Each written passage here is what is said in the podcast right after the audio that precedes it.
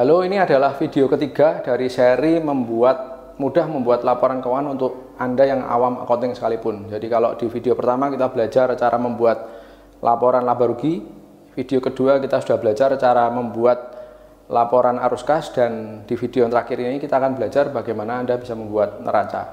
Oh ya, perkenalkan nama saya David, saya founder dan CEO dari software kasir dan software accounting B www.b.id.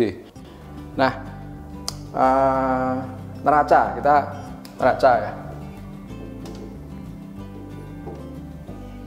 Anda biasanya kalau suka baca koran ya sekarang sudah jarang yang langgaran koran. Biasanya kalau di koran ini perusahaan-perusahaan yang TBK ini wajib untuk uh, mempublish laporan keuangan mereka ke media nasional gitu ya. Anda bisa cek sih ke websitenya BEJ juga ada.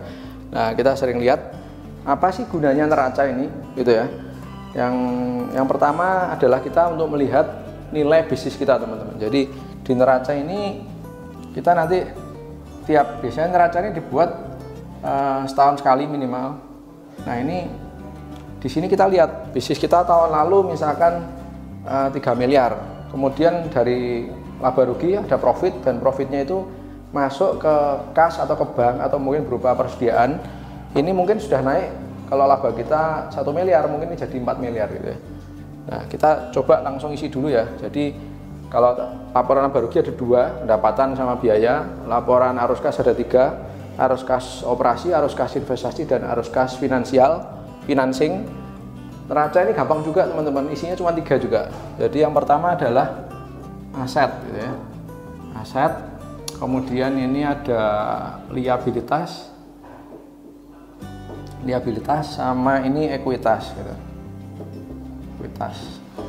Kalau ini aturan uh, istilah PSAK yang baru, kalau dulu ini namanya harta, ini utang, ini modal, tapi sama aja istilah istilah barunya ini aset, liabilitas, ekuitas.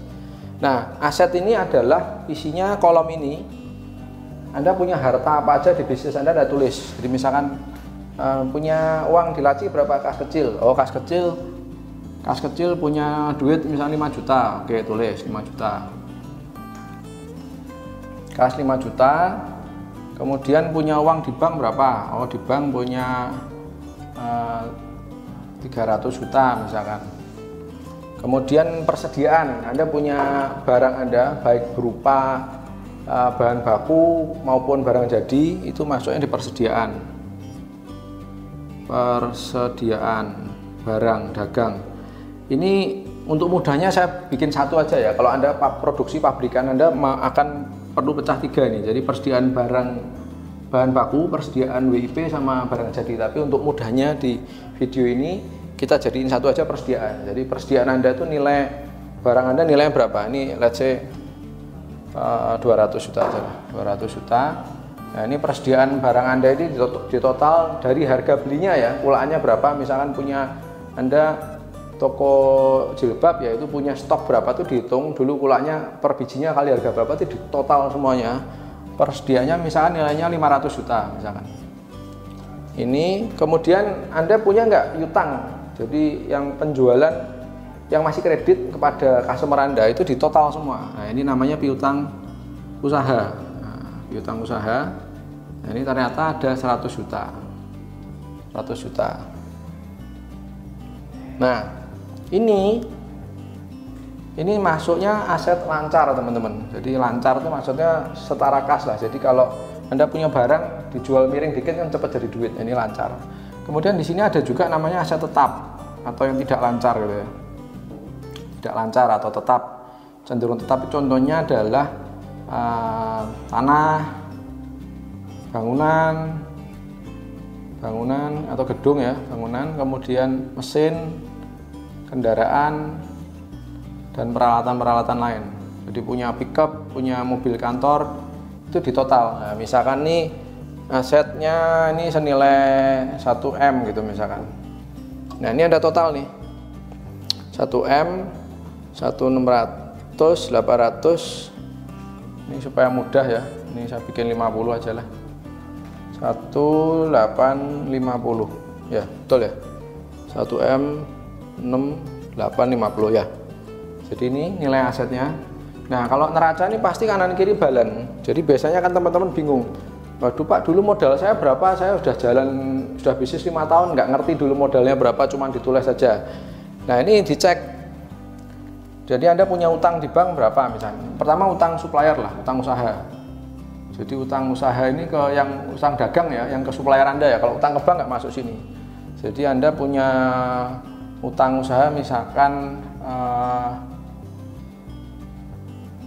misalkan 150 juta misalkan. 150 juta. Nah kemudian punya utang utang bank utang jangka panjang ya. Utang bank misalkan. Utang bank ini punya utang misalnya 500 juta. Jadi ini ini ya utangnya berjalan kan berkurang.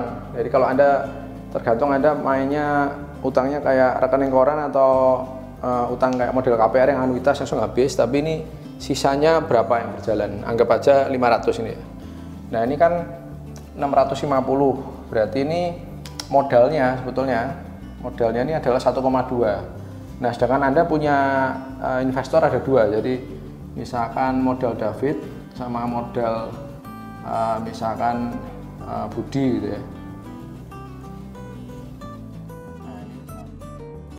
tergantung komposisinya. Ini kan misalkan ini 1M ini 200 gitu ya. Nah ini di total 1850 nah kalau nanti ada penjualan penjualan kemudian kan menghasilkan keuntungan teman-teman. Ada keuntungan profit yang dari tadi laba rugi tadi untungnya berapa tadi? E, misalkan untungnya 10 juta lah anggap aja. Itu nanti akan masuk ke sini teman-teman. Laba berjalan gitu ya. Laba tahun berjalan laba tahun jalan misalkan profitnya setahun profit 500 juta misalkan.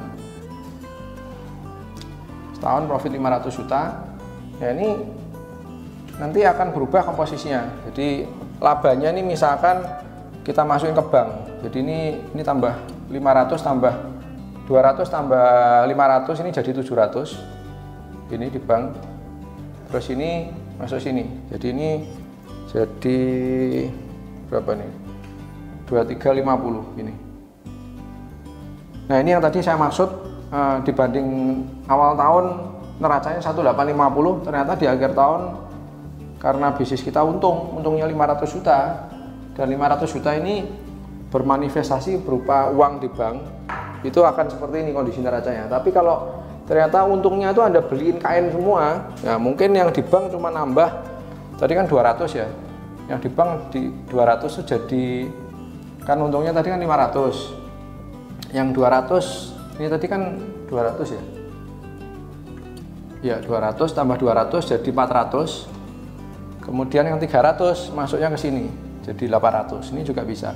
Jadi tetap ini tapi keuntungannya itu sembunyi berupa uh, persediaan. Karena anda pulain anda untuk besarin skala produksi kapasitas anda anda pulain barang lagi atau bisa juga kalau mungkin yang cash flow-nya seret, salah satu persembunyian duit kantongnya adalah kadang-kadang teman-teman yang pintar ngutangin nggak pintar nagih. Ya ini macetnya di sini. Biasanya gede di sini tuh, utangnya besar. Jadi neraca ini satu gunanya untuk lihat perkembangan bisnis kita dari yang tadi awalnya kan 1850 sekarang plus 500 kan dari laba laba rugi laporan laba rugi masuk sini laporan laba rugi nah ini nambah jadi sekarang nilai aset perusahaan anda sudah sekian akibat dari laba Cuman parkirnya sembunyi nambah 200 di bank, yang 300 ke persediaan. Nah kalau anda tadi ngutangin, pintar ngutangin, nggak pintar lagi, bisa nyantol di sini.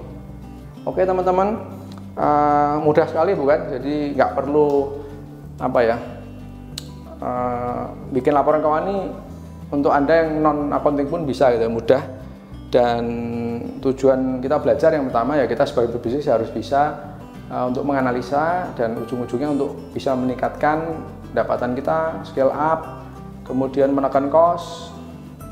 Kita bisa partnership akses uh, dana dari perbankan maupun investor dan juga sebagai dasar untuk perhitungan Anda di perpajakan. Oke teman-teman sampai jumpa di video selanjutnya. Salam kolaborasi untuk negeri